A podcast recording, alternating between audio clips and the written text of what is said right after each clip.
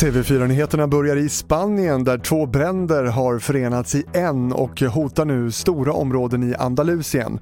Invånare i sex bergskommuner har evakuerats och militär har kallats in för att hjälpa brandmännen att få kontroll över elden som misstänks vara anlagd.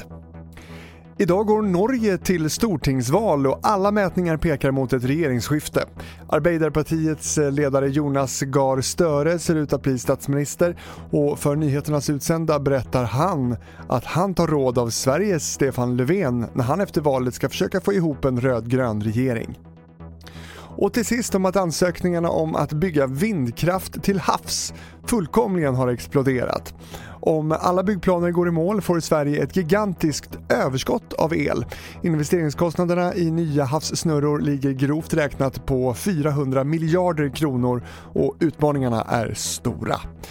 Fler nyheter hittar du i vår app TV4 Nyheterna. Jag heter Fredrik Rahlstrand.